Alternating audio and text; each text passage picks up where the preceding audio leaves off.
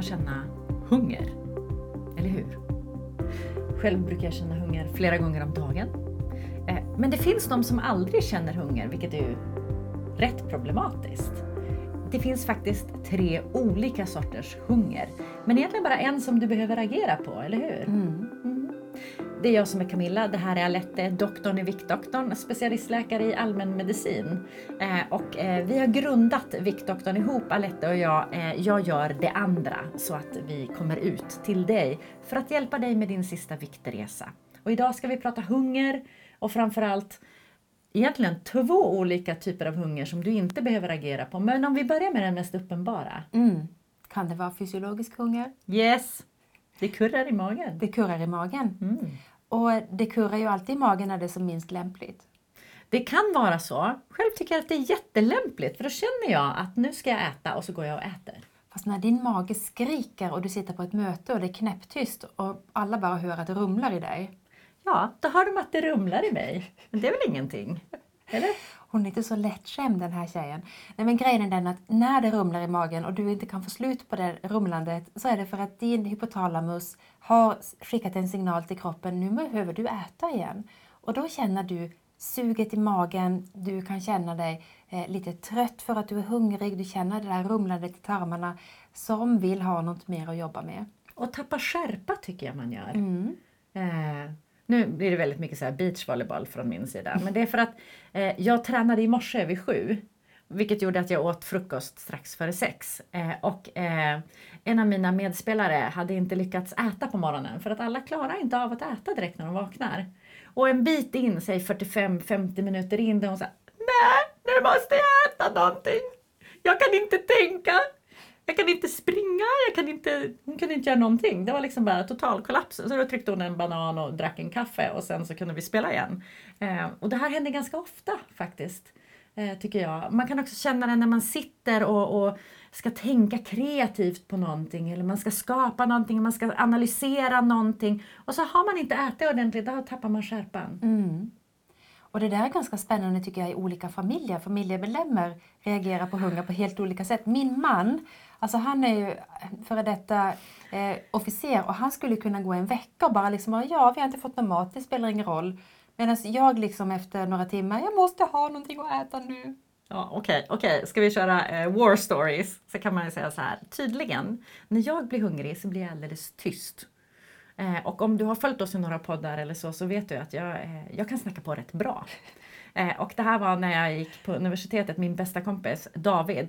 Eh, vi är ute på någon eh, bilturné över Sverige. Jag vet inte riktigt om vad vi skulle göra egentligen. Men eh, helt plötsligt så kör han bara av vägen eh, och ner in på en mack. Och, och, så sitter Linda bak i bilen och bara, ah, vad vad, vad kör vi av för? Och han bara, Camilla måste äta nu. Och jag bara, jaha? Nej, nej vänta, han sa ingenting. Han bara gick in på macken. Eh, och så kommer han ut och så dumpar han så här, en Snickers och en Coca-Cola i mitt knä och så sa han bara ät. Och jag bara va? Han bara du har varit tyst i en halvtimme, det är inte du. Men du, det där var inget bra mellanmål. Nej, det var ju katastrof. Men jag fick upp blodsockret så började jag snacka igen. I min familj har vi väldigt olika delar. Jag har till exempel ett barn som blir fruktansvärt arg. Alltså sådär, det går inte att vara i närheten. Sådär som eh, man hämtar efter en träning och har med sig en banan eller en sån här mer eh, hälsosam eh, protein bar eller någonting bara för att trycka i. Eh, för att annars så är det bara okvädheter hela vägen hem. Du menar som tonåring gånger 10 000 eller? Ja, en tonåring som får gånger 10 000 påslag. Alltså det är väldigt olika hur man reagerar på fysisk hunger men, men eh, det är ju hjärnan som säger nu håller du på att dö, ät. Mm. Mm. Och den ska vi agera på. Ja. Och, och grejen är ju den att fysisk hunger, den, den ska vi ju ha. Det är inte alla som känner hunger men det är faktiskt inte heller alla som känner mättnad. Vilket jag tycker är väldigt spännande och jag tror att avsaknaden av mättnadskänsla är en faktor som påverkar risken för fetma och jag tror den också är delvis är genetisk.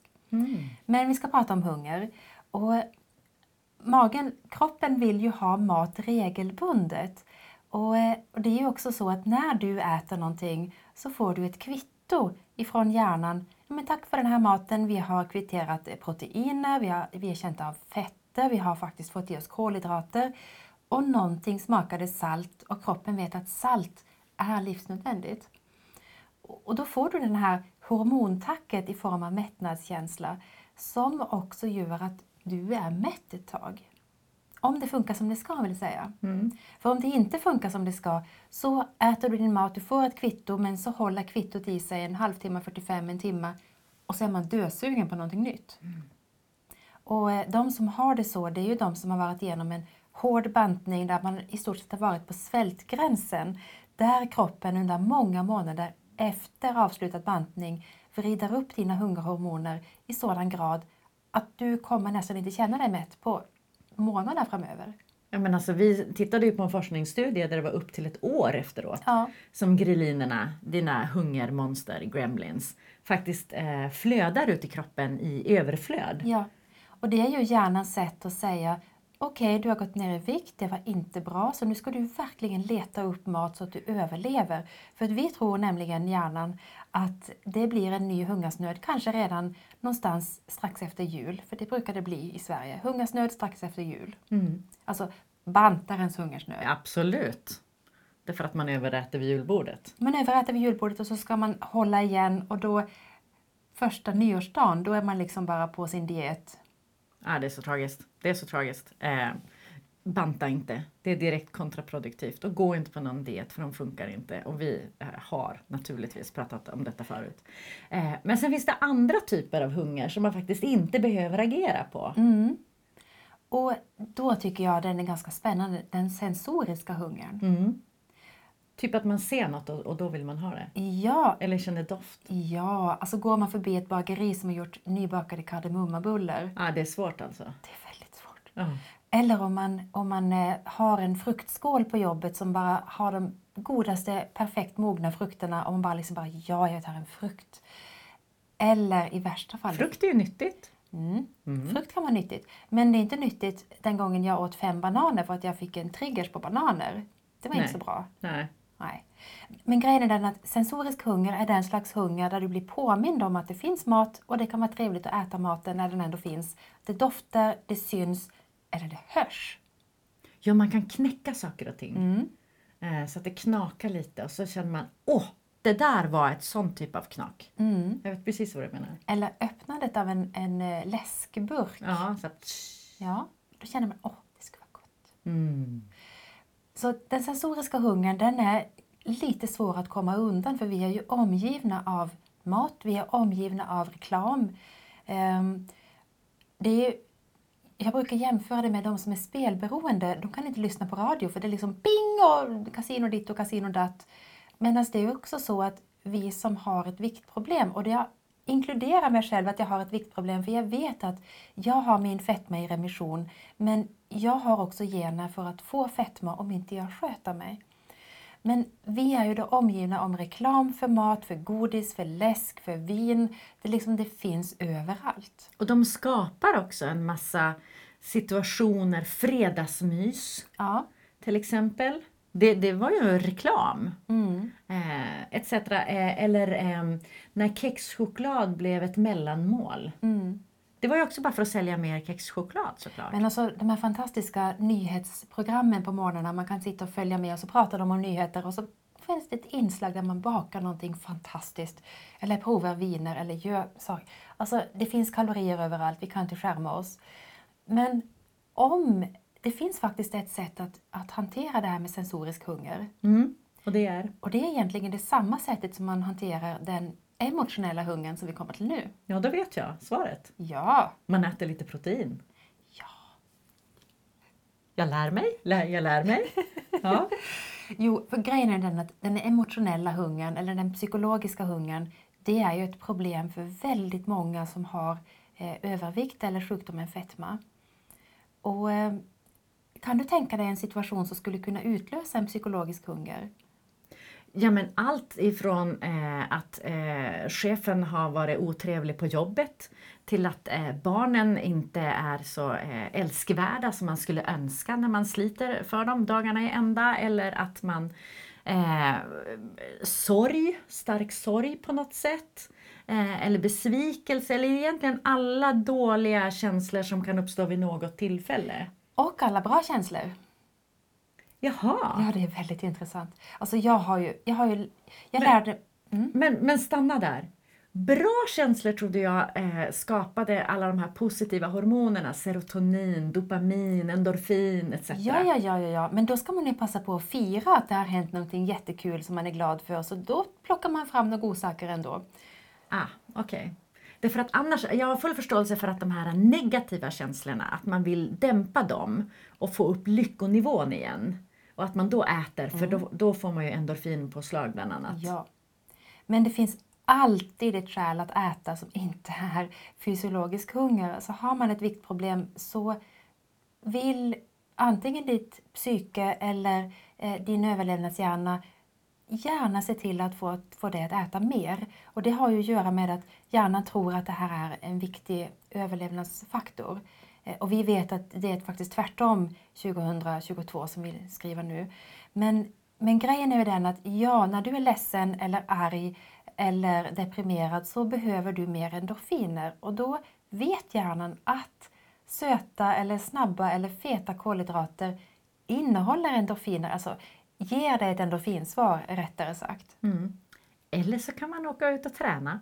Ja, för det går nämligen att lura hjärnan. Ja, då får Ja. man också endorfiner. Ja, och det är ju precis det man ska, ska göra. Att när, man, när man känner sig hungrig och ledsen eller hungrig och, och eh, arg, då ska man börja fundera på, okej, är det här en fysiologisk hunger? Det vill säga en hunger som slår till nedanför huvudet? Eller är det här en emotionell hunger, en psykogen hunger som slår till i huvudet? Och då kan det kännas som att man har ett hål i hela själen och man måste fylla upp det där hålet med någonting. Och då har ju... Jag hade ostmacka som man fyller själsliga hål med. En annan vanlig sak som folk fyller i hålet med är ju faktiskt alkohol. Ja. Eller socker. Don't go there. Det är inte bra för dig. Och det vet du. Ja. Men vi försöker förklara varför det är så lätt att gå mot socker eller alkohol. Alkohol blir ju också socker. Mm. Mm. Och ehm, jag tycker att det, det är så viktigt att man är snäll mot sig själv. För att om man då råkar vara väldigt ledsen en dag och råkar gå och ta de där eh, frysta bullarna som ligger i frysen liksom för en rainy day. Och sen så klankar man ner på sig själv och säger men jag är ju helt värdelös. Nu har jag ätit och jag skulle inte äta. Och tycker man att men nu är allting förstört så jag kan också äta glassen som jag råkade hitta när jag ändå var där och letade bullar. Det är okej att fallera. Vi är människor. Vi människor gör fel. Vi gör misstag. Vi lär oss av dem och jobbar järnet på att inte göra dem igen. Men vi kommer att trilla dit igen. Mm. Och då är det viktigt att vi är snäll mot oss. Ja, och det är det vi på Viktdoktorn kallar för lärande situation. För, för jag är inte fullärd, eh, du är inte fullärd, även om du är så här klok. Eller hur? Och du och vi är inte fel hela fullärd. tiden. Ja, Mm. och det gör kanske du också. Men grejen är den att man måste förlåta sig själv, man måste göra en analys, man måste börja fundera på okej, nu har det här hänt. Är det en katastrof? Nej. Är det någon som har dött? Nej. Är bullarna slut? Ja. De var jättegoda. Och jag ser till att kanske inte ha bullar i frysen mer. För att tydligen, så om jag kommer i en sån här situation, då är det min go-to. Ja, men plus att har man en dålig dag och kanske man är så upprörd att man inte ens äter sin lunch för att man, man hade ingen aptit, man var bara illamående av ilska. Ja, men det är ju då det är extra viktigt att du äter. Och, och då är ju snabba feta kolhydrater eller snabba söta kolhydrater inte förstahandsval, utan som du var inne på, man äter proteiner. Mm. Ägg, skinka, ost. Mm. Eh, vad har vi mer för bra som är lätt att ta till sig? Keso, man kan ta kvarg, eh, man kan ta en liten näve nötter om man tål nötter. Ehm, och, och grejen är den att du får lägga din ost och skinka på lite kolhydrater men du behöver inte välja ett vitt, en vit rostfralla. Du kan, ju, du kan ju faktiskt ta knäckebröd eller ett fröknäcke istället. Eller lingongrova. Det gillar jag. Ja, fast den är på gränsen egentligen. Är det så? Ja. Den finns mindre sötad. Ja, ja det är bra. Ja. Eh, så, tre olika typer av hungrar. Du behöver bara agera på den första, fysisk hunger. Mm. Sen finns det sensorisk hunger. Du ser eller hör eller doftar eller så. Eh, och bara, "Åh, nu vill jag ha. Den behöver du inte agera på. Och sen psykisk hunger. Mm. Alltså mer det vi kallar för att vi äter våra känslor. Mm. För att vi behöver få en, en eh, det blir väldigt mycket engelska i den här podden, en pick-me-up. Av olika anledningar. Då är det lätt att äta eller dricka någonting som gör att endorfinerna kommer. Ja. Och det är ju då... Du behöver inte agera på den heller. Nej, men om, du är, om det ändå är så att du står där vid kylen och du tänker att jag ska äta någonting, ja men plocka fram någonting proteinrikt. Och sen plockar du upp din telefon och så ringer du din vän eller din mamma eller din moster eller någon och säger jag har haft en skitdag för jag pratar lite med dig om den. För då får du endorfiner när du får känna att du är en del av, vad ska man säga, stammen, kan man säga så? Ja, absolut. Eller att du... En del av gruppen. Ja, eller att du tar på dig dina skor och tar några snabba vändor omkring kvarteret bara för att få lite luft, bli av med lite stresshormoner, få lov att få lite flödande endorfiner. Eller att du ber din partner eller en vän, snälla kan inte du massera min stela nacke för jag behöver lite uppmärksamhet och lite endorfiner just nu. Mm. Stort tack till dig som har tittat eller lyssnat. Tack till dig Alette. Vi ses och hörs igen om en vecka, samma kanal, samma plats om du vill. Ta hand om dig tills dess. Hej då!